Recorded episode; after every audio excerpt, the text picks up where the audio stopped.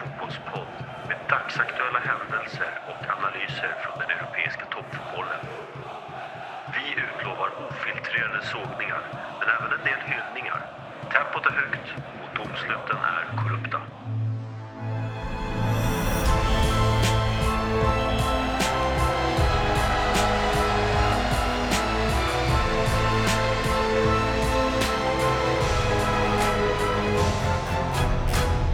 Vilka kvartsfinaler det är vi hade. Det var många väldigt, väldigt fina fotbollsmatcher.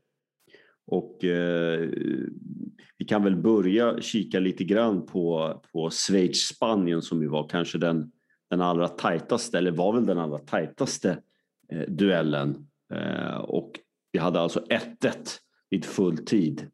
Och det blev sedan förlängning och straffar. Mm. Och eh, om vi har sett eh, skickliga straffar, eller straffsparksavgöranden både i Europa League-finalen och, och eh, även i EM också tycker jag vi har sett fina straffar så, så var väl det här inte eh, några eh, högkvalitativa eh, straffar så att säga. Nej, från Schweiz. Nej, det var lite av en besvikelse. De slog ju fina straffar i matchen innan mot Frankrike, men Mm. det verkar som att ja, man valde liknande straffskyttar och det gick inte hem tyvärr. Ibland kan det väl bli så. Precis. Och eh, den sista straffen där, Vargas slog en, en ganska usel straff där. Han sköt den Ja. ovanför. Precis, och jag tycker även Spanien slog en del ganska dåliga straffar. Jag menar både, i och för sig Busquets den tar i stolpen. Mm. Eh, det, det kanske är lite mera otur, eh, men eh, Rodris straff var ju också en klar miss. Så att, eh, jag tror Sommer räddade den ganska eh, tämligen enkelt ändå. På tal om att- Sommer, så han, att- han gjorde ju sitt, eh, sitt livs match, eller hur? Ja, han var helt galen. Han borde få någon slags eh, medaljong för detta EM. Alltså, han var ju bra hela EM ska vi säga. Men, men, men den här matchen var ju nästan omutlig. Även när Spanien pressade på stundtals så, så stod han verkligen emot. Och jag menar, han räddar. Okej, han räddar en straff, en tar i stolpen. Det är fullt godkänt om man säger så. Mycket väl godkänt. Så att, eh, jag hade nästan hoppats att han skulle ta en straff själv. Han kände så het alltså. Ja, det var han verkligen. Eh, Schweiz hade lite otur att de fick det där röda kortet på Freuler. Mm. Och jag tror nog inte att jag håller med där. eh, Men jag håller nog inte med domarens beslut där, Oliver. Tyckte att det var, det var lite för, eh, för hårt. Han, gick, Mm. han, tog, eh, han tog tag i kortet lite för snabbt. Och jag var lite förundrad över att han inte fick se det igen i, i reprisen. Mm. Att VAR-rummet inte kontaktade honom. Mm. Jag håller 100% med. Jag tyckte också att det var märkligt eh, och tittade på situationen i efterhand igen. Eh, för att när man är i, i stundens hetta så kan man ju, precis som du säger, fatta lite skumma beslut och agera på känslor. Men jag, jag tycker att det är ett mindre, jag, jag är mer övertygad om att det här inte är rött kort än till exempel Danielsson. Vi pratade Aha. om Danielsson och vi, vi sa att det fanns vissa tvivel, även om vi enades till slut om att det kanske ska vara rött kort så tycker jag att det här är än mindre ett rött kort.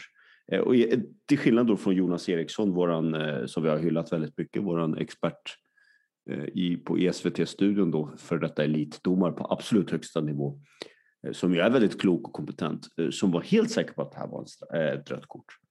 Och det kändes lite konstigt eh, att han var så säker. Och precis som du säger Ja. att han inte ens refererar och tittar på situationen själv. Men då antar jag att varummet ska ju bara ingripa om det är så att domaren har möjligtvis gjort någonting fel. Eh, Och då antar jag att varummet kanske inte eh, uppmärksammade detta. Eller vad tror du? Att, att, kan ju, kan ju vara så att Oliver, eh, han hade ju förmodligen kontakt med dem i varummet och att han sa Mm. nej det här är rött kort, jag är 100% säker. Och då kanske de backar och säger okej men vi Ja. stöttar dig. Jag vet nog, ja, det är svårt. Det är svårt att, att veta. Ja, det är spekulationer naturligtvis. Ja, han fick ju, det kommer ju lite bakifrån men det är ingen Mm. stämpling om man ser på Nej. reprisen. Så Nej. är det faktiskt det benet eh, som, det andra benet som kommer åt eh, Moreno där i vaden. Precis. Det, det Mm. kan ju anses vara bakifrån och det är mycket, mycket fart. Men jag tycker att det var lite väl hårt. Att det borde varit ett gult kort. Så tufft för Schweiz men de gjorde det ändå bra efter det röda kortet och höll ut till, eh, Precis, till straffar. väldigt, ja, väldigt tuff för Schweiz och, och som sagt det, det, det här är ju ett, ett rött kort som man, alltså det kommer ju nästan i ett värre läge för, än för, för um, eh, Sverige. Men, och, plus att de möter ju Spanien också som är betydligt mer bollskickligt lag. All respekt för, för Ukraina, men, men att spela med, mot Spanien eh, med det här, det, det, är ju fruktansvärt alltså. Så, så, så pass bollskickligt lag och ändå tycker jag inte att Spanien eh, faktiskt skapade så många farliga lägen. Men Ja. en, en till sak som jag, ba- bara att, eh, innan vi släpper det röda kortet, vi ska inte fastna eh, för mycket där. Eh, Det är också att jag, ty, jag tycker det känns lite grann som att vi, man har ju, och det, det hänvisar man ju alltid till, om man utsätter spelaren för, vad är det man säger, eh, risk eller skada Mhm. vid sin tackling, då ska det beivras. Det är väl det som är så att säga huvudargumentet i de här bedömningarna då. Ja. Eh, Men, men å andra sidan kan jag känna så här att ja, jag, för, jag, jag köper det. Jag, jag förstår det. Men samtidigt, fotboll är ju en kontaktsport och försvararen, Freuler i det här fallet, defensiv mittfältare, så så här, jag har gjort en kanonmatch också för övrigt. Men uppsåtet, alltså det uppsåt, han har ju inte uppsåtet här att liksom kasta sig in vårdslöst tycker jag alls, utan det är en tackling. Den är lite brysk, absolut. Eh, men, som du säger, första, eh, det utsträckta benet träffar ju faktiskt inte en spelaren utan han träffar det med det andra benet. Ja, han undviker Eh, så- så- alltså, ja. utsträckta benet så, så att den inte träffar Moreno. Och det är, det är inte ens egentligen en så, så hemsk tackling. Moreno blev inte Precis, skadad. precis. Exakt, han blev inte skadad. snabbt. Allt. Ja, Ja. exakt. Och då kan någon säga, ja, måste man bli eh, typ beseningsskadad eller vad hette ukrainaren som blev, eh, han blev tyvärr tokskadad. Ja. Eh, och, nej, naturligtvis inte, men vi måste väl också bedöma vad som faktiskt händer av situationen. Han blev som du säger, kunde väl fortsätta spela till och med. Så, så, så att det kändes väldigt konstigt, det kändes väldigt märkligt. Och, ja, och att han ska få direkt på det här sättet, så i, den, i det här läget, matchavgörande läget, det kändes väldigt hårt. Och jag är helt enig med dig, jag tycker inte att det ska vara ett rött kort. Nej, Eh, det är, men, men nej, inget rött kort Ja. där. Och jag, jag tror faktiskt att Olivers beslut färgas av spanjorernas reaktion. Mm, mm, reaktioner. Till exempel Moreno, sättet han faller på, skriker och våndas. Det där påverkar domaren. Och du vet, spanska spelarna eh, pressar domaren direkt. Aspilicueta, han är ökänd för det här. ja, Eh, och ja, han faller in i den fällan tycker jag. Så ja, ja. jag vet inte. Och sen man klagar ju på spelarna. Ja, men varför förstärker de och filmar dem? Ja, men det fungerar ju. Mm. Det funkade. Ja, absolut. Och, ja, precis. Och Spanien är ju liksom experter på det här. Det är många gånger man har sett en sån spelare som Busquets till exempel som, som nästan eh, obe, alltså, o, oförskämt närgången mot domaren och försöker Ja. påverka. Och försöker påverka. Och det har han gjort i Barca i hela sin karriär egentligen. Så att, så att, om man bara liksom försöker summera matchen ganska enkelt egentligen. Alltså Spaniens 1-0 mål är ju ett självmål. Eh, eh, ganska klockrent sånt som eh, som det målet som Foppa gjorde egentligen på, på Schweiz eh, i VM-åttondelen då. Ja. Men den tar ju på, jag tror det är Zakaria som får bollen på sig redan i den åttonde minuten, styrs in, omöjligt för Sommer att ta den.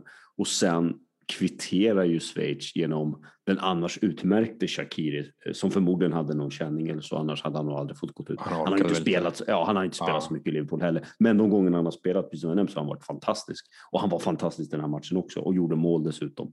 Vilken Eh, skillnad. Jag måste ja. bara nämna, alltså, om man jämför Sverige, Sveriges tillvägagångssätt mot Spanien och Schweiz Ja. tillvägagångssätt. Liksom. Precis. Det är natt och dag. Schweizarna Ja. attackerar och håller Ja, bollen ja. inom laget. Och Mm. till och med när de hade en man mindre. Så det, är det borde vara en tankeställare åt eh, Janne Andersson och hans tränare.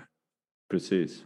Jag satt bara för skojs skull och tittade lite grann på statistiken och, och tittar man på statistiken eh, så, så kan man bli lite så här förbluffad och tro att Spanien var eh, världsdominant.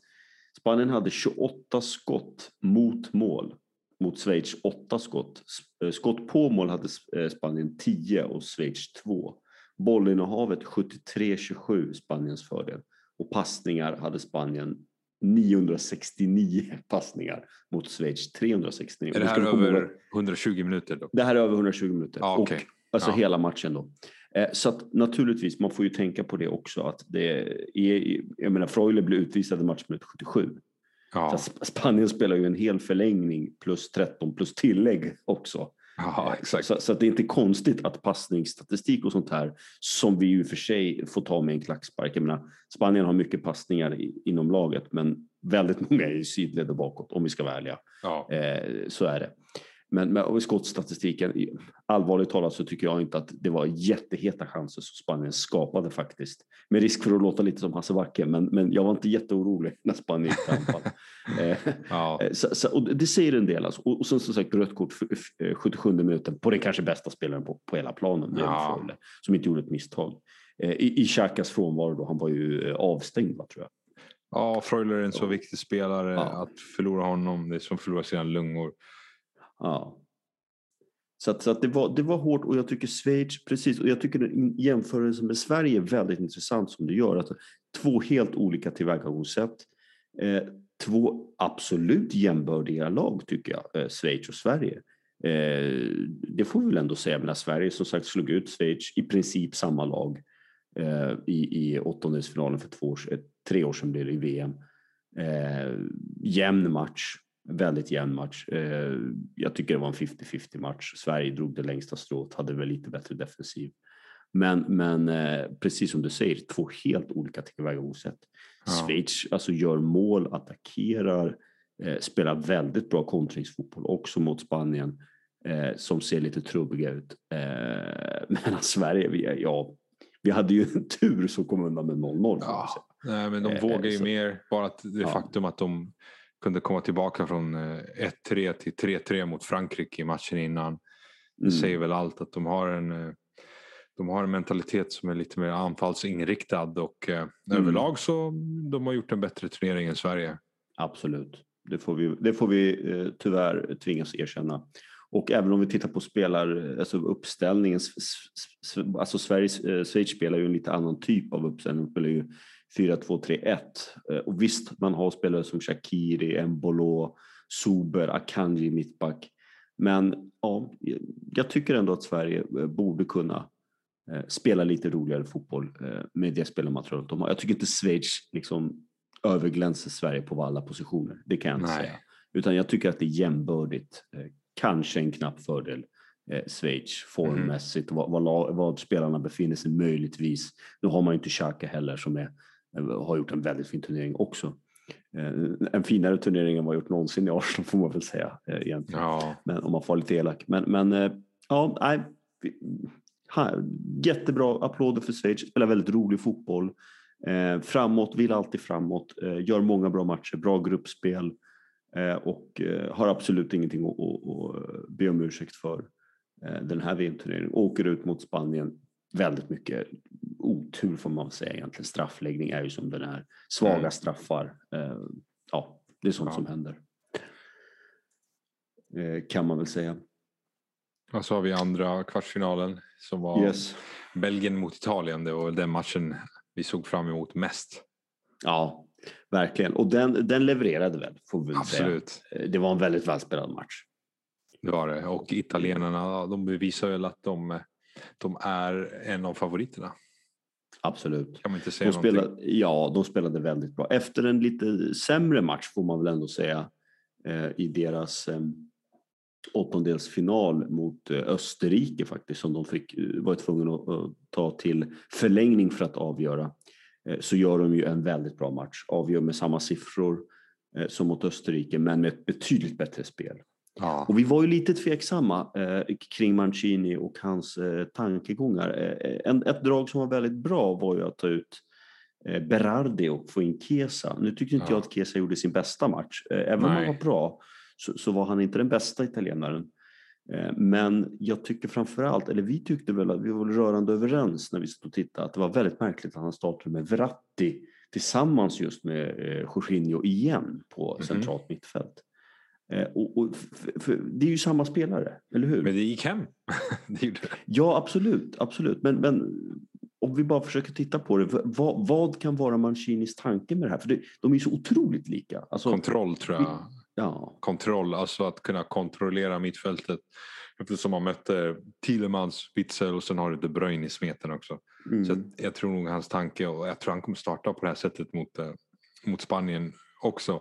Att han vill ha så pass mycket kontroll och eh, på passningstempot och på bollinnehavet att han kommer eh, behöva, tycker han då, Jorginho och Verratti tillsammans. Och då Ja. får Barella ännu mer utrymme och det gav ju Mm. resultat för Barella gjorde ju 1-0. Ja, och Barella var väldigt bra. Ja, eh, ska vi säga också. Och Immobile hade väl ett kanonskott, en riktig häxpipa rakt i ribban också som kunde ha gått in. Eh, så att Italien var ju bättre än Belgien eh, sett över 90 minuter. Klart bättre, spelade bättre. Eh, även om jag tycker Belgien hade väldigt farliga chanser. Alltså då spelade, blev det mycket kontringsspel för belgarna. hade Och lite Donnarumma gör, ju, ja, Donnarumma gör ju minst en extremt, alltså en fantomräddning som man bara kan lä- läsa om i serietidningar. Alltså den var ju fantastisk. Och en lite, lite lättare räddning på Lukakos friläge när han skjuter vänstern. Men, men eh, ja, precis, lite otur för Belgien. Samtidigt får de en straff. Eh, Vi diskuterade den lite grann eh, och vi var ju båda överens om att det var straff Ja. ganska omgående. Och det är då ynglingen som vi tyckte var konstigt att han fick starta faktiskt, Doku från, vad var det han spelade? Genk? Eller vad, vi hade aldrig hört talas om den mannen tidigare. Jag tror han spelar i, han spelar i franska ligan faktiskt. Franska ligan till och med. Ja. Ja. Eh, Blott 19 år tror jag, eh, en, en vänstermittfältare som var väldigt duktig eh, och utmanade gång på gång på sin kant och kom förbi nästan varje gång. Eh, Mm. Skapade farliga chanser och skapade eh, straffen som, eh, som blev mål sen. Ja, han spelar i Rennes. Rennes spelar. Ja, han spelade i Rennes. Ja. Ingen jätteklubb. Eh, och jag menar, då får vi ändå tänka att Carrasco och Mertens får kliva åt sidan. Eh, så det var vågat. Men, men gjorde en väldigt bra match och eh, just straffsituationen så sa vi att det är ju väldigt lätt. Det ser väldigt lätt ut när fotbollsspelare ramlar i hög fart på väg framåt. Ja. Men vi som har spelat vet ju att det behövs ju så lite för att ramla just då. Eh, Och han är i obalans, han har hög Ja. fart, han springer framåt. Jag tror till och med han står på ett ben. Det krävs en fjärde nästan. Nej, men det, låter, men det, det är väldigt lätt att ramla. Så att det tycker jag inte är något konstigt. Och då säger man att han får inte tillräckligt mycket. Knuffen är inte tillräckligt hård för att han ska... Och det tror jag, det, det kan bara få alltså, personer säga som inte har spelat fotboll själva. Jag, jag inbillar mig det i alla fall. Ja, nej men det, när man ser det så det var, det var korrekt. Han sett vinkeln han puttade honom ifrån. Liksom, Mm. Eh, utsträckt arm också. Jag tror att Di Lorenzo som sträckte ut armen liksom och puttade till honom och i sån Mm. fart. Och han kommer och ska precis vika in där. Och, eh, han blir ifråntagen chansen att eh, vet du, spela in bollen. Mm. Så det ska vara straff. Jag tyckte det var korrekt dömt. Som Mm. du nämnde, Eriksson höll inte med. Men Nej. Ja, han kanske, han kanske känner att han måste vara lite mer kontroversiell nu när han är en tv-figur. Ja, det var ju din teori där och det, ja, det kanske ligger någonting i det. Att han ska säga Eh. emot, liksom, och måste Ja, ha, ja. istället för alltid hålla med eller vara lite mer lågmäld. Men ja. Där, jag tyckte faktiskt att det var straff. Så vi höll inte med han var, honom. nej, han var väldigt bestämd också ska vi säga. Och jag tror inte ens att han, eh, han kallade det för en soft penalty. Eh, och, det där, jag kan ha en liten avsmak för de där beskrivningarna. Jag menar, är det straff så är det straff. Ja. Jag har lite svårt att beskriva soft eller hard eller finns det medium? Alltså, det låter som någon slags beställning på någon restaurang. Det, det, jag, jag, jag tycker, är det straff är det straff. Jag tycker att den är solklar. För det första, han är inte på bollen överhuvudtaget, eh, Di Lorenzo. Nej. Han knuffar spelaren bakifrån och Ja. spelaren ramlar. Mm. Jag menar, det, det, det är kontakt och han ramlar och han, han är förbi och han har bollen under kontroll. Det är inte så att bollen är på väg ut till, från kort, eh, mot kortsidan utan han hinner upp den om man inte får knuffen. Han är förbi Ja. om man inte får knuffen. Ja, Och det är frispark, det är frispark eh, mitt på plan. Ja, nej, det ska vara så korrekt. Ja, jag tyckte det var jättekonstigt.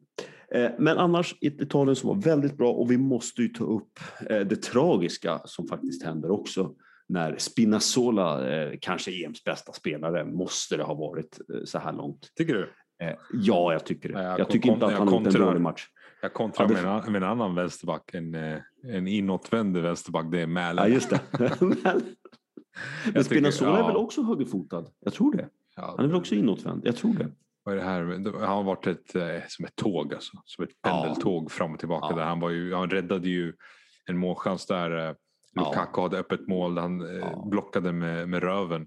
Och sen är han uppe och anfaller. Och, ah, han är helt otrolig han varit. Energin han har haft.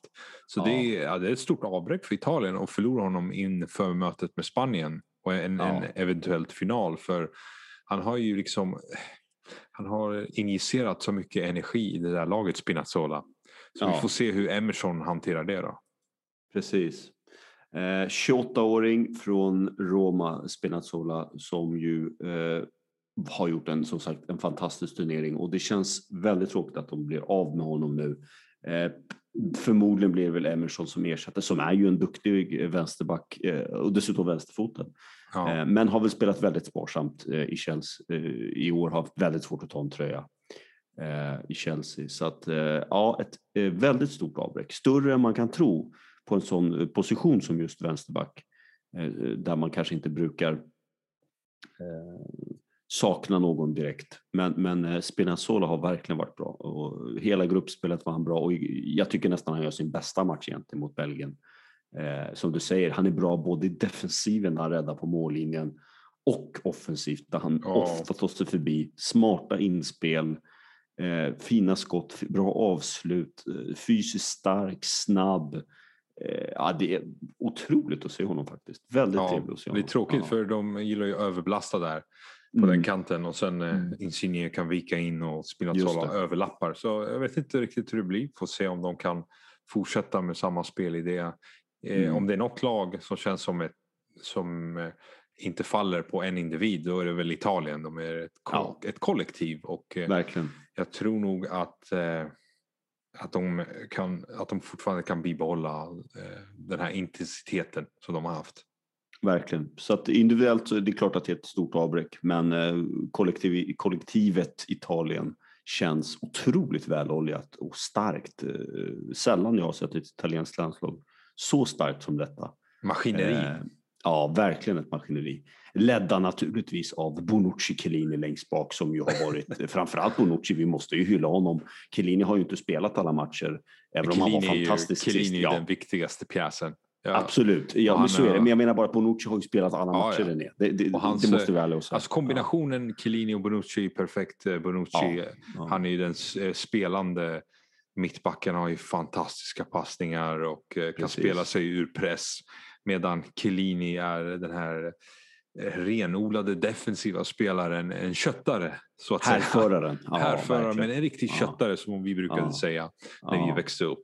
Och Ja. den kombinationen av de två mittbackarna är nog eh, perfekt och de känner varandra så bra och de är så erfarna och eh, ja, det är eh, deras segerrecept tror jag. Verkligen, verkligen. Och Chiellini sa ju i någon i intervju också att han känner Chiellini, eller känner Borucci nästan bättre än sin egen fru. Så att de, de känner ju varandra väldigt bra. Och det är som du säger, de kompletterar ju varandra väldigt bra. Ja. Så att, ja, ett väldigt starkt mittbackspar. Eh, Och eh, ja, Italien ser otroligt starka ut och möter ju ett Belgien som eh, ändå har övertygat resultatmässigt eh, i, i detta EM. Eh, Men, som- De, Bruyne, De Bruyne spelade Ja. skadad, det måste vi nämna.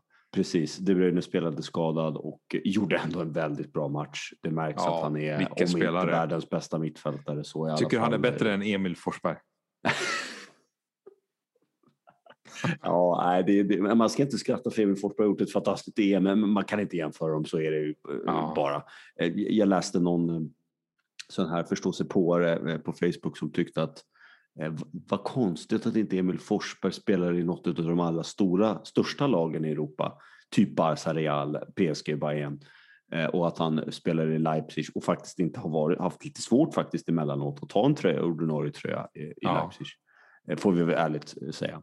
Men det är också en sån spelare som kanske inte riktigt, eller en sån person som kommer inte, alltså, inte riktigt har koll. Man, man, man kollar på ett EM eh, och man ser en Forsberg i, i, fantastisk form. Det går inte att ta Ja. ifrån honom. Men den formen håller han ju inte, den nivån håller han ju inte dag ut och dag in över en hel Nej, säsong. nej, absolut så, inte. så, så är det ju faktiskt. Och, och eh, framförallt inte mot stora lag. Eh, till skillnad från Kevin De Bruyne som är lika bra år ut och år in. Eh, Glöm säsong, alltså han är bra varje år. Ja, Eh, och vinner exakt. Premier League, kommer till Champions League-final. Jag menar, det går ju inte att Han jämföra. var, lika, att- alltså, han var lika bra som, nä, ja, nästan lika bra som han är nu när han spelade i Wolfsburg. Jag kommer ihåg att han hade 22 Ja. assist i Bundesliga en säsong. mm, Han har hållit den här nivån eh, mm, väldigt länge och när man pratar om världsspelare då är det sådana spelare man, man menar, inte Forsberg. Det är, tyvärr så är det en kategori under. Det måste man vara ärlig och säga. Ja, det, det, måste man vara ärlig och säga. Och det, och det är inte för att, för att på något sätt förringa Forsberg, utan han är väldigt bra fotbollsspelare. Han är kanske vår bästa spelare just nu, det, det, det, säger jag ingenting om. Men, men han är en bra bit ifrån de absolut bästa mittfältarna i ja. världen. Eh, det måste vi ändå säga. Modric och de här grabbarna. Ja, vi har Modric, vi har Tony Kroos, vi har, eh, ja, vi har nämnt dem redan. Lionel Messi. Och... Ja, även, även, ja, precis. Ja, vi ska gå på Messi, men även Pogba och liknande spelare. Jag menar, ja. det, det, är väldigt långt ifrån. Eh, det är minst en nivå, kanske två till och med skulle jag vilja påstå. Ja. Eh, men han kanske kommer dit, det vet man aldrig. Men det, jag tror kanske, den, de spelarna som, som har chansen i Sverige och kanske nå den nivån, det är ju två stycken och det är Alexander Isak och Dejan Kulusevski. Precis. Som har, som har eh, en chans att nå den, den här absoluta toppen. Jag tror mm. Alexander Isak kanske ligger närmast just nu. Mm. Mm. Eh, med tanke på hans säsong. Jag tror nog att i hans åldersgrupp, du vet, under, under 22 år gammal, mm. så tror jag att han är statistiskt sett den näst bästa nian förra säsongen efter Håland. Vilket mm. inte är någon skam. Nej, att vara två efter Håland. Liksom. Ja. Och Håland är ju fantastisk och ja, som alla storklubbar. Ja. Så att det, det, ja, men det är bara kul att se att det går bra för många många svenskar. De tre vi har nämnt eh, är ju också de som verkligen har fått sitt erkännande eh, detta EM, eh, även om de tillhör så att säga olika årgångar med Forsberg som är något äldre, men som ändå verkligen fick ett ordentligt erkännande både här hemma i Sverige och i Europa. Mm. Så det var väldigt kul att se. Men Italien vinner rättvist mot Belgien och når semifinal fullt rättvist i detta EM. Och vi måste naturligtvis prata om Tjeckien mot Danmark också. Kanske inte den, eh, vad ska vi säga, den eh, på förhand sexigaste kvartsfinalen. Eh, men ändå väldigt intressant att se.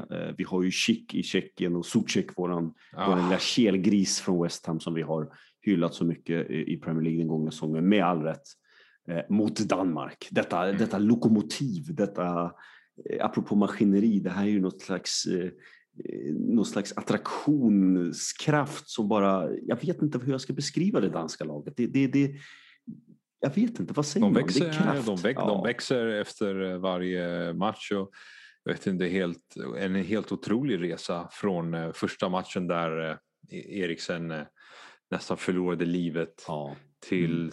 Belgien-matchen som var lite snöpligt men återhämtningen de har gjort.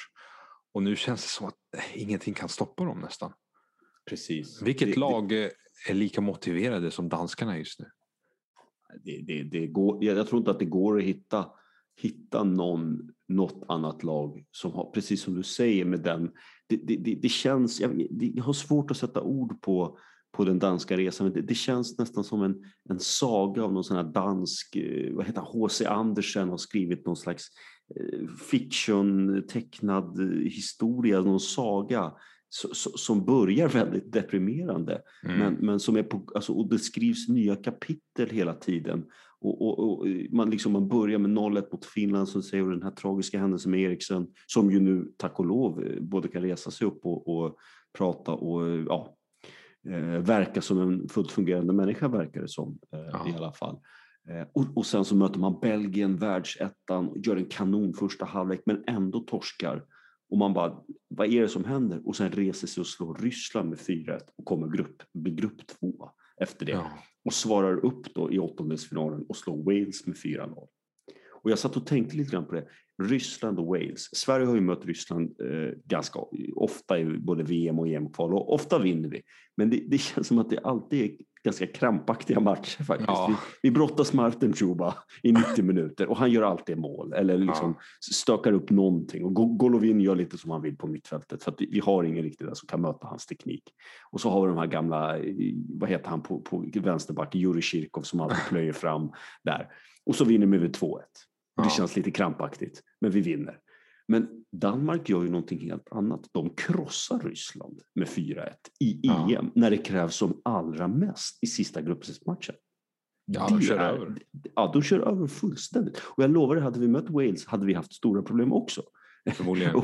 men, men de slår med 4-0 René. Men vi skulle, inte våga vi skulle inte våga spela på det sättet danskarna spelar mot Wales och mot Ryssland. Det skulle vi inte. Nej, nej, Ingen nej, chans. Precis. Och, och, och, de, och de, jag tycker att de, de försöker spela på samma sätt mot Tjeckien, bara att Tjeckien är något bättre. Ja. Eh, och, och därför blir det 2-1 och fullt Fast, eh, rättvist. Första halvleken så eh, var ju Danmark mycket bättre och de fick, Ja, gick upp ja. i 2-0. Tjeckien kom tillbaka och var som ett helt annat lag i andra halvlek. Mm. Men danskarna lyckades också visa prov på sin, eh, sin defensiva stabilitet. Det måste man ge dem. Mm. Så de har Absolut. absolut. bägge aspekterna, både det offensiva och det defensiva. Det räcker inte att Precis. bara ha vara def, bra defensivt, liksom, ha sina positioner eh, eh, som eh, svenskarna verkar tycka. Ja. Ja, och det är inga diskussioner. Kasper eh, vad heter han, Dolberg gjorde ju två mål eh, mot Wales och då går han in och startar mot Tjeckien Precis. och eh, gör mål igen, levererar. Och sen Mm. deras bänk, liksom, Daniel Wass kommer in Ja. istället för. Stryge Larsen och Paulsen kommer in. Så de har ju väldigt, väldigt bra trupp dessutom. Mm. Nej, verkligen. Inte bara elvan. Mm. Och jag satt och tänkte på det, för man, man kan ju ändå tänka sig att Danmark skulle ha haft, just på det sättet man spelar, att man eh, spelar mycket mer offensiv fotboll. Man har en trebackslinje med tre mittbackar som ju alla är väldigt kompetenta, eh, även om kanske då Västergård eh, namnmässigt kan ses som den svagaste länken, som har han gjort ett fantastiskt EM och jag, jag tror till och med att han gör en framspelning till det 1 eller 2-0 målet här. Men, men eh, man tycker kanske att Danmark då borde släppa till lite fler lägen eller åtminstone släppa in lite fler mål än vad Sverige eh, har gjort i EM. Och jag satt och tittade bara för att jämföra lite krasst. Man får ju ta hänsyn till motstånd och situation också, men om vi struntar i det så släppte Danmark in fyra mål i gruppspelet mot Sveriges tre. Eller två Mm. tror jag Sverige släppte in. Släppte ju bara in mål mot Polen. Men vi släppte in två mål mot Ukraina.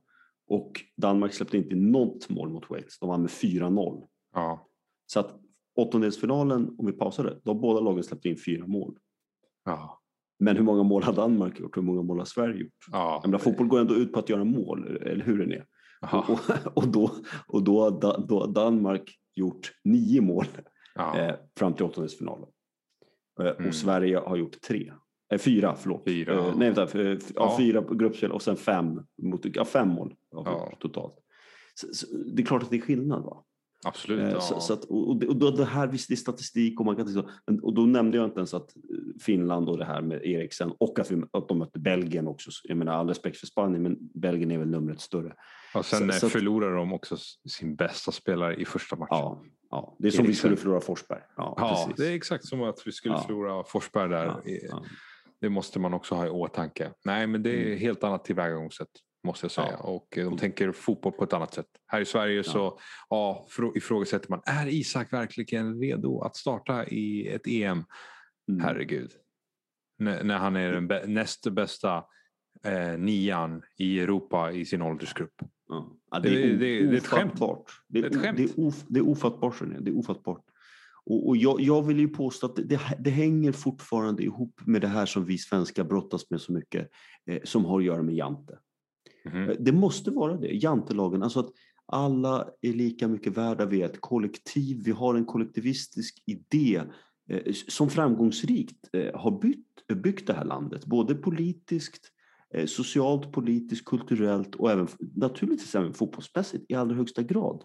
Eh, Tommy Söderberg, Lars Lagerbäck, tidigare med Tommy Svensson. Vi har haft det här hela tiden, att det är kollektivet som är det viktiga. Det har inte Danmark i samma utsträckning. Mm. Där har det funnits profiler som har tillåtits att få ta plats. Ja. Eh, Vi pratade om Laudrup-bröderna tidigare. Det är, inga, det är inga kollektivistiska män Nej. som vi pratar om här, eller hur? Ja, men det, det är inte det. Va? Och, och jag kan tänka mig det i dagens danska lag också. Det finns mycket eh, individualister också som tar mycket plats och måste få göra det. Eh, Ja. och, och, det, är det här som jag ifrågasätter. att Man måste ju kunna förena detta, att få ihop individualisterna, att få dem att spela som ett kollektiv, men naturligtvis spela de bästa spelarna jämt så ofta det går Absolut. för att få det att fungera. Och det saknar jag i Sverige. Det, Ja. finns, det finns däremot ett annat. Du måste ju, vi måste ju nämna din favorit, absoluta favoritspelare i det danska laget. Han är ju ett exempel på det tycker jag. Mäle. Mäle, denna gigant. Ja. Till vardags i Atalanta va? Ja, och han är ju högerfotad spelare på vänsterkanten inåt vänd och där fick, har man fått kritik. Varför spelar, varför spelar man med en, eh, med en vänster ytterback Mm. eh, som är högerfotad? Och han har väl bevisat att det spelar ingen roll. Mm. Hans inlägg där till första målet var kanske turneringens inlägg med yttersidan. Ja, herregud. Ja, det var konst. Ett konststycke. Jag skulle, Och, eh, vilja, jag skulle vilja se en svensk back slå en yttersida. Alltså, tänk dig Mikael Lustig trippar upp till bollen i hög fart och slår en yttersida som landar på Isaks fot. Det kommer han- aldrig hända. Och han, det kommer att han spelar hända. på vänsterkanten. Ja, Bara är det helt- att, att ja, är våra ytterbackar ska vara Ja. inåtvända, inverted. Ja, nej, men det, Det det, skulle aldrig ske. hända. Nej, det skulle aldrig ske. Vi har ju både Pierre Bengtsson och Augustinsson är, är vänsterfotade. Nej, men så det, att- det, nej, det är ens, Det är omöjligt. det, inte. man får inte ens nämna sånt i Sverige. Vadå? Skulle Nej, vi spela 4-4-2? Ytterbackarna måste, ja, sin respektive fot måste Mm. liksom vara vänster om man är vänsterback, höger om man är högerback. Mm, mm. Nej, det, det, jag håller med dig. Det är fullständigt eh, oacceptabelt i den svenska modellen. Det, det, det går inte. Eh, men men, men Mäle då, jag håller med dig. Han har varit fantastisk eh, i hela EM och kommer ju att bli en nyckelspelare. Var en nyckelspelare kan vi säga i kvartsfinalen. Kommer att bli, måste bli en Mot nyckelspelare England. mot England. Och, och vi ska ju blicka framåt mot semifinalen, men om vi bara knyter ihop säcken och avslutar med den sista kvartsfinalen som vi kan städa av ganska fort. Jag menar, det var ju ett sömnpiller, det var ju ganska tråkigt att, titta på den Ja, fotbollsmatchen. Kan jag tycka. Ukraina bjöd Ja. absolut inte upp till dans så då kändes Nej. det ännu surare. Fan, Sverige hade ju åtminstone gett engelsmännen en, en kamp. Men det här var ju Absolut, liksom, ja. ja. det var värdelöst egentligen. Vi gjorde, vi gjorde ju ingen jättematch mot dem i och för sig i VM, eh, det ska sägas. Eh, de vann ju tämligen enkelt. Jag tror det blev 2-0 eh, Ja. ganska enkelt. Men ändå, jag menar, det var ju lite kamp, lite nervositet i alla fall. Men jag menar, 4-0 och det, det kunde ha blivit mer än det också ska vi säga. Det var ju, Ja, ja, de bytte ju in folk där i slutet ja. bara, för att, bara för att lufta några spelare. Det, det var ja, utskåpning. De utklassade dem eh, totalt. Fullständigt. Och Malinowski var skadad också, eh, var inte Ja. ens på bänken. Deras bästa passningsspelare. Så det är klart att det, det, ja, det Men blev det, då blir man ju arg för man tänker ju Mm, att Sverige borde ju kört över Ukraina de med. Åtminstone med Absolut. 3-1 eller någonting. Absolut. Men Mm. man fegade, blev Ja. straffade och Mm. engelsmännen visade att, eh, ja, hur man avverkar lag som Ukraina. Precis, och ändå tycker jag inte att engelsmännen, framförallt inte inledningsvis, även om man gör 1-0 ganska tidigt, jag tycker inte att engelsmännen på något sätt eh, eh, kör full fart framåt och, och lämnar det tomt bakåt. Jag tycker ändå att man fortfarande har det Southgateiska i sig, att man Ja. attackerar med rim och reson. Alltså det, det är ingen hyperoffensiv här bara för att det är Ukraina, utan man har ändå Nej. respekt för Ukraina. Eh, åtminstone spelmässigt då. Eh, och, och, så att 4-0 är ju väldigt stabilt får man säga. Ja, Eh, och, och försvarsspelet, eh, det ser ju väldigt stabilt ut också. Så verkligen. att, eh, och, och Sancho fick starta också, så att han, han hörsammade våra böner kanske möjligtvis. Jo, men jag tror att han blir bänkad i nästa match. För Saka var förmodligen. skadad, det var därför. Ja, det var det också. Ja. Jag tänkte att han vågade med den utsvängningen mot just eh, Ukraina, att det var det som var anledningen. Men å andra sidan fick ju inte Grealish spela en enda minut, så det var Nej, lite det, märkligt. det jag. handlar om att eh, Saka inte kunde spela och därför fick Sancho spela. Och om Saka är tillbaka mot Danmark så kommer han att starta mot Danmark. Jo, men jag tänkte på Grealish, varför fick inte han spela? Ja, Grealish. Ja, men, eh, Han fick inte gillar- spela en enda han, minut. Han gillar inte. Det passar Det inte i hans det systemet. systemet. Man måste lära sig Ja. systemet. Vet du. Ja, just det. Det låter Precis som som Jan. Andersson. Ja. Kulusevski. Juventus köpte honom för 35 miljoner. Nej, men han måste lära Ja. sig systemet. Ja. Han måste ju vara taktiskt redo fastän han är skolad i Italien som är det mest taktiska landet eh, när det gäller fotboll. Ja, och att han spelade en hel säsong i Parma som hade liksom svårigheter att hålla sig kvar i Serie A. där han fick Defensivt lag. absolut springa hem defensivt. Ja, 10 mål, Nej, det är 10 otroligt. 10 assist. Ja, det, det är helt otroligt. Det är helt otroligt. Så att, eh, ja, nej, eh, man blir bara upprörd när man tänker på det. Men, men gratulerar England får vi säga. Eh, återstår att se om eh, football is coming home. Klarar de av. Eh, Men de- ja. äntligen får de möta en värdig motståndare i Danmark. Ja, ja. Vi, vi sa ju det också, vi, vi måste vara ärliga och säga det också, att det är klart att en, en semifinal mot Danmark är ju eh, på alla sätt en dröm, även om Danmark har gjort ett jättebra EM. Eh, en, en, en kvartsfinal mot Ukraina är ju en otrolig dröm som man inte kan... Den svåraste motståndaren hittills har ju varit Tyskland, eh, som man ju i och för sig hanterade ganska bra. Eh, Ja. med, lite, med lite flyt får man ändå säga. Det var ju några situationer där som kunde ha slutat annorlunda. Jag menar, Müller hade ett, fritt läge och det pratades om, vi pratade om det röda kortet också. Vi ska inte gå in på det. Men precis som du säger, nu får man äntligen möta, möta Danmark eh, på Wembley också. Så det är klar fördel engelsmännen. Eh, eh, bara av den anledningen. Eh, vi, vi, vet ju inte ens om några danska supportrar tillåts släppas in heller. Så det är Förmodligen ju, inte. Förmodligen inte va? och de måste sitta i karantän i sånt fall i tio dagar och allt, allt vad det heter. Så att engelsmännen gör ju allt naturligtvis för att försvåra för danskarna också. Ja. Men det ska bli kul. Och det jag tycker ska bli roligt är egentligen, jag tänker framförallt på två saker. Och det är att kommer den engelska nollan att vara intakt efter semifinalmötet? Jag tror att svaret är nej.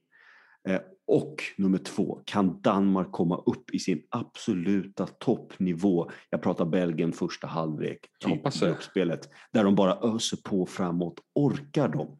Orkar danskarna de har med eh, spela så? Och de har, och min jag favorit, säga, jag älskar, jag älskar ju Damsgaard också. Ja. ja, jag måste ju säga alltså det här eh, paret eh, Delaney och eh, Höjberg också. Det är, ja. Vilken arbetskapacitet man har där. Ja.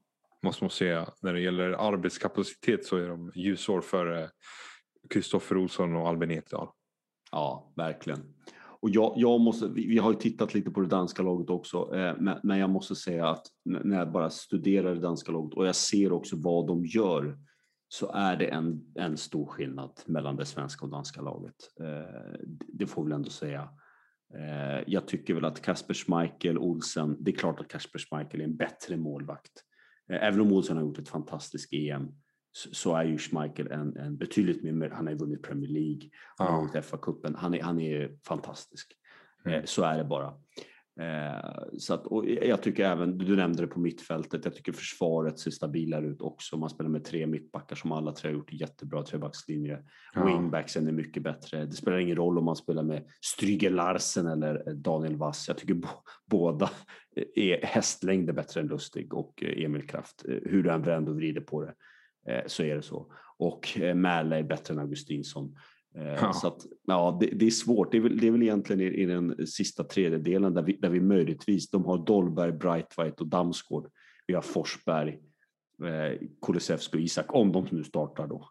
Eh, det är väl där vi skulle kunna mäta oss möjligtvis. Ja. Så att, ja. Eh, men det blir intressant att se.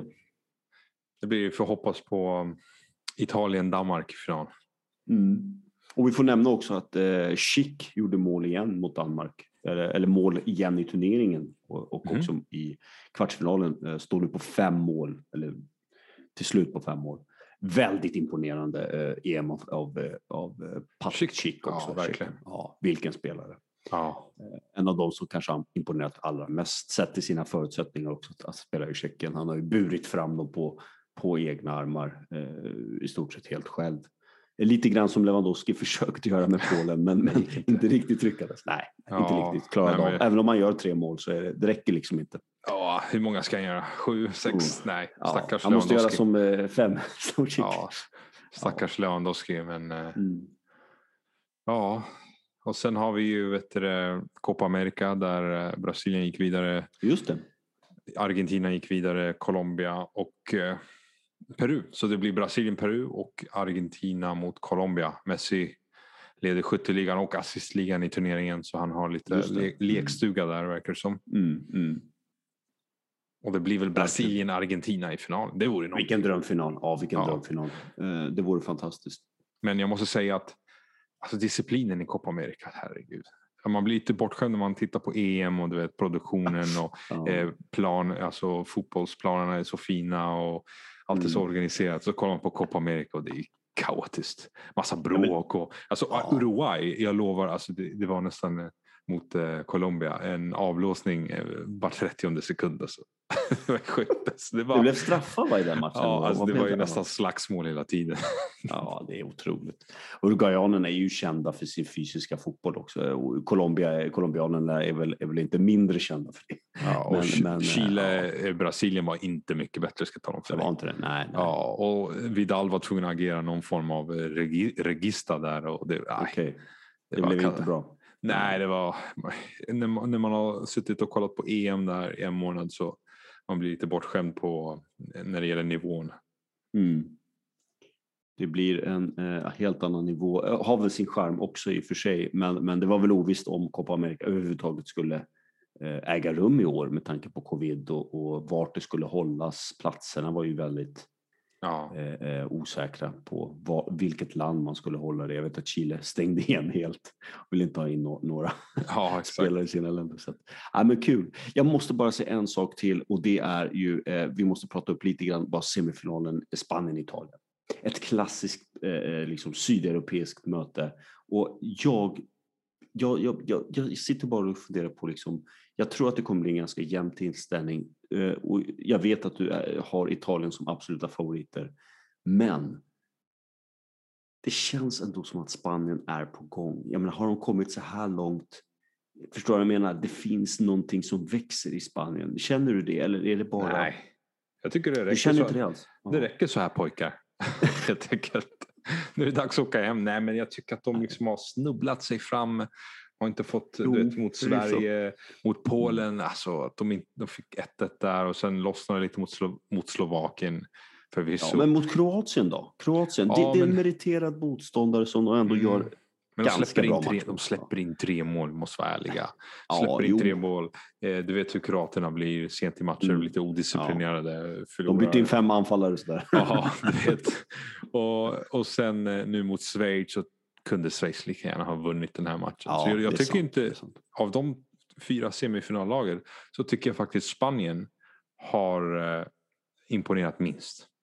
Mm. Mm. Jo, absolut. I, det, det tycker jag också. Men jag bara sitter och funderar. Finns det en växel till i inrikesmannar som vi inte riktigt har fått sett?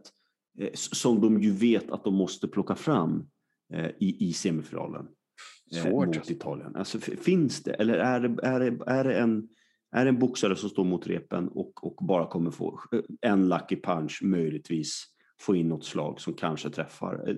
Jag vet inte, jag, jag inbillar mig att det finns något mer eh, som truppen vill bevisa, både för media och jag tror att Enrique verkligen vill det. Han har inte tagit ut någon, en enda Madrid-spelare. Eh, han är ständigt ifrågasatt, eller hela laget är ständigt ifrågasatt i spansk media. Spelar ingen roll vad de gör. Eh, de har en hopplös situation någonstans. Och jag håller med dig, de har inte övertygat. Men kan, finns det ingenting som kan- växa in i det här på något vis? Eh, och göra en kanonmatch mot Italien. Ja, men de är en match ifrån en final och i en final kan Ja. allt hända. Det är Eh, sant. Ja, Men italienarna är väl De är värsta, värsta motståndaren man kunde få i en semifinal. Mm. Med tanke på hur bra de har varit och ja. hela truppen är bra egentligen. Och Mm. eh, försvaret eh, tillsammans med Donnarumma Ja. som eh, kanske varit en av de bättre målvakterna i turneringen. Det, Mm. blir, det blir väldigt tufft. Men Det blir eh, tufft. Man, man vet aldrig. Mm. Och nyckeln, nyckeln är ju naturligtvis att Italien håller ihop kollektivet och också håller, ihop, håller, håller igång bolltempo tror jag. Man får inte vaggas in i det här spanska, att man går ner i tempo och, och blir, får jaga boll hela tiden som ju spanjorerna är väldigt duktiga på att flytta boll. Mhm. Eh, eh, och det, det hoppas jag bara inte att vi får se att eh, det blir en ganska tempofattig, det finns ju risk för det, Ja. tempofattig historia, och, eh, 0-0 fulltid, om du vet, och sen bara går man och väntar på straffar. Det vore eh, hemskt. Men jag tror inte att det kommer hända. Italien spelar inte så länge och, och jag hoppas och tror att de kommer sätta eh, hög press på spanjorerna som ju har problem att förflytta boll snabbt till backlinjen. Eh, det var ju också så som Schweiz gjorde sitt kvitteringsmål. Eh, schabbel mellan eh, Laporte och eh, back, i övriga backlinjen där. Ja. Så att, eh, ja, vi får se. Och ehm, ja, vi säger väl att Italien vinner den, det är vi båda övertygade om. Och, och vad ska vi säga om England och Danmark? Hjärtat säger ju en sak naturligtvis, Ja. för våra vita och Nej, röda vi, kan inte, vi kan inte hålla på England, det går inte. Nej, varför, det går inte. Det, det är ja, omöjligt. varför ska man annars kolla på fotboll om man inte vill att England ska förlora? Liksom? Ja. Det, det är otroligt vilket hat vi håller mot engelsmän. Men det är för att de är så kaxiga. Och Ja. Dan- Danmark, danskarna är också kaxiga, men de är på något sätt lite mera älskvärda. Jag vet inte, det är någonting med Ja, danskar. nej, Jag hellre att de vinner. Och sen, eh, visst, Ja. det finns ju rivalitet mellan Sverige och Danmark. Ja, så är det. Men jag tycker bara att det här borde, det här borde fungera som en spark i svenskarnas rumpor. Mm. Att de måste ta tag och tänka fotboll på ett annat sätt. För danskarna har nu bevisat att, verkligen att det går. Precis. Eller hur? Att spela en Precis. offensiv, attraktiv fotboll när deras spelarmaterial inte är... Det är inte så långt ifrån det svenska. Precis. Man måste börja kunna tänka lite, lite mer progressivt här i. Sverige. När det gäller Ja. taktik och hur man eh, går matcher till mötes beroende på motstånd och sådär. Precis. Och man pratar ju ofta om att Sverige det är ett så litet land högst upp i Norden och vi har så få invånare. Jag menar Danmark har hälften så många invånare som vi har. De har drygt fem miljoner invånare. Så jag tror Sverige är uppe på tio nu. Så att jag Mm. menar, det, det- går ju inte längre, eller hur? Att, att, att prata i dessa termer, att klimatet skulle vara bättre i Danmark, ja, det, det är möjligt någon grad hit eller dit. Men Ja. jag tror, knappast, jag tror knappast att det är det som fäller avgörandet. Utan precis som du säger, det, det finns en mentalitet, fotbollsfilosofi eh, som är lite mer sydeuropeisk, eh, som, som präglar, eh, tror jag i alla fall, dansk föreningsfotboll ända ner på gräsrotsnivå. Ja. Och, och den skulle jag vilja ha lite av. Jag skulle vilja eh, jag skulle nästan att du och jag åkte ner och, och granskade Danmark och tog, tog reda på vad är det för nycklar som de här Ja. danskarna sitter på, så, som vi kan ta till oss i, i, till Sverige. För det, för det tror jag faktiskt behövs och det ska man inte skämmas för, man, att vi behöver det. Ehm, Tänk så här, om Eriksen till exempel skulle spela eh, för Sverige, att han var svensk med samma färdigheter. Mm, Då skulle han ju spela på vänsterkanten som en inåtvänd eh, ytter eller på högerkanten. mm. Han skulle inte få spela centralt Nej, nej. som en offensiv mittfältare. Det skulle inte ens finnas utrymme för honom att spela på den positionen där han är som bäst. Mm. Men i Danmark så liksom Ja. man använder spelar... Så här är det, i Danmark ser man vilket spelarmaterial man har. Kollar på Mm. motståndet. Och då väljer man de formationerna som är bäst för spelarmaterialet man har. I Sverige så har man ett spelsystem. Man har 4, 4, 2. Mm. Och det spelar ingen roll vilka spelare du har. Det spelar absolut för Kulusevski ska spela offensiv mittfältare egentligen. Som en trekvartista. Det skulle tro Mm. jag han skulle ha bäst i antingen eh, 4-2-3-1 eller något liknande. Ja. Men här måste han antingen spela som en anfallare i tvåan. Mm. Eller så måste han spela på högerkanten och vara en inåtvänd ytter. That's it. Mm. Finns inga andra möjligheter för honom. Och det är otroligt begränsande. Nej, precis. Det är, nej, det är inte bra. Och precis som du säger, Danmark får ju verkligen ut maximalt också av sina spelare. Jag menar, det är ju lite okonventionellt om man får säga så, att spela tre mittbackar i en trebackslinje. Mm. Eh, Jag menar, Janne, Janne får ju liksom, han, han ser ju fantombilder när han, hör sånt. Han tror inte att det är sant tror jag. Och att Och- och det- eh, bägge ytterback, alltså ytterbackar yttermittfältarna är högerfotade. Som Mähle Ja, och Stryger Larsen. Precis, och att de är wingbacks, att spela med Ja. wingbacks överhuvudtaget, det, det, alltså inte renodlade mittfältare kontra ytterbackar. Bara det ställer ju till det också. Eh, och, Ja. och sen ha två liksom spelfördelare slash... och det är det här som är roligt, både Delaney och Höjbjerg är ju grovjobbare som Mm. kan hantera boll och flytta boll framåt. Ja. Båda två gör det väldigt, väldigt bra. Eh, och, och egentligen finns det inte plats egentligen för båda två om nu Eriksen hade varit fullt frisk, kanske, inbillar jag mig. Eh, Men, men- och sen har man Brightwhite och Damsgaard på kanterna som ytterligare offensiv kraft som Ja. levererar bollar till Paulsen Dolberg eh, som är där framme nu. Jag menar, det är fantastiskt att se. Han får verkligen ut maximalt av det danska laget. Precis som du säger, spelsystemet anpassar han efter det material han har, inte tvärtom. Mm.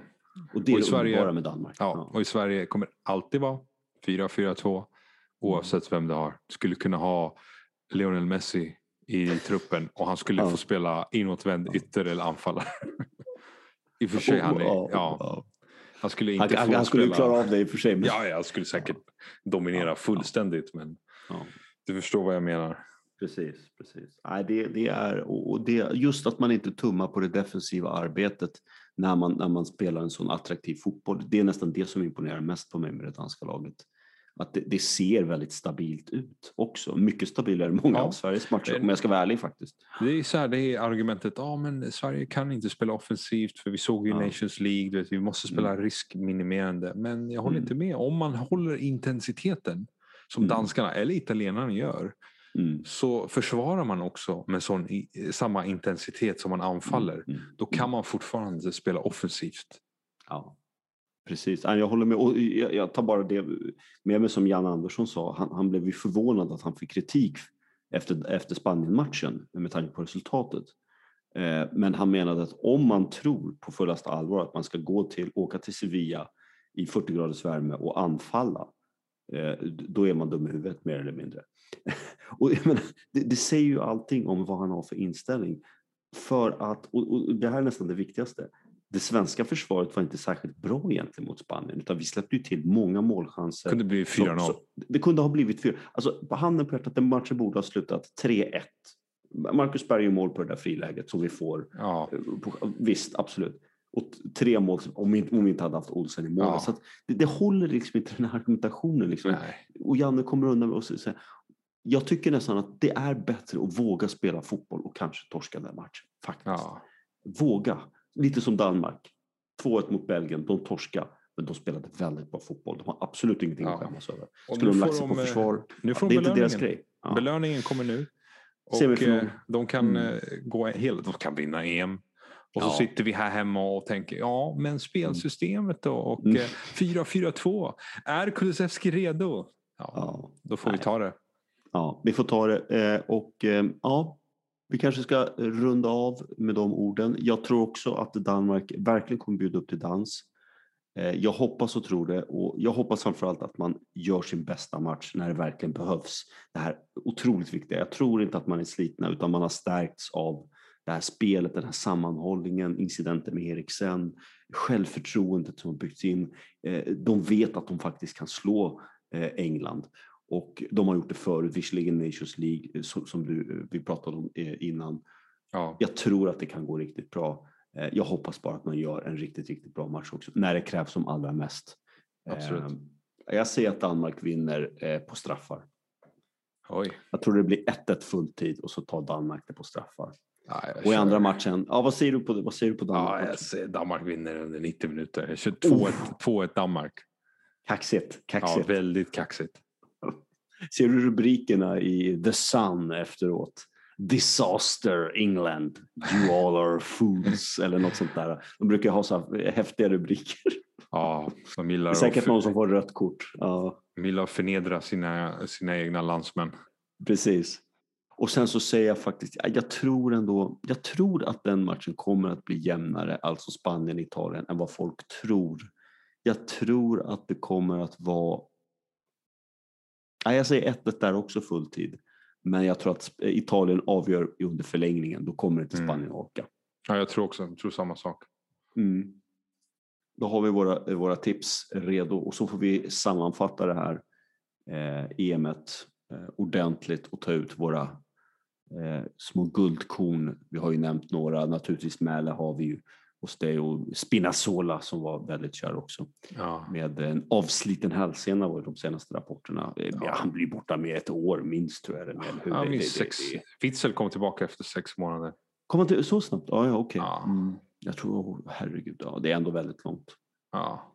Stackarn, vi får hoppas att han inte slarvar med rehaben och att eh, allting går bra med det eh, när han ska gå under kniven så att säga. Ja. Yes, vi säger så. Ja, det gör vi. Tack för idag. Tack för Och, idag. eh, Adios. Adios.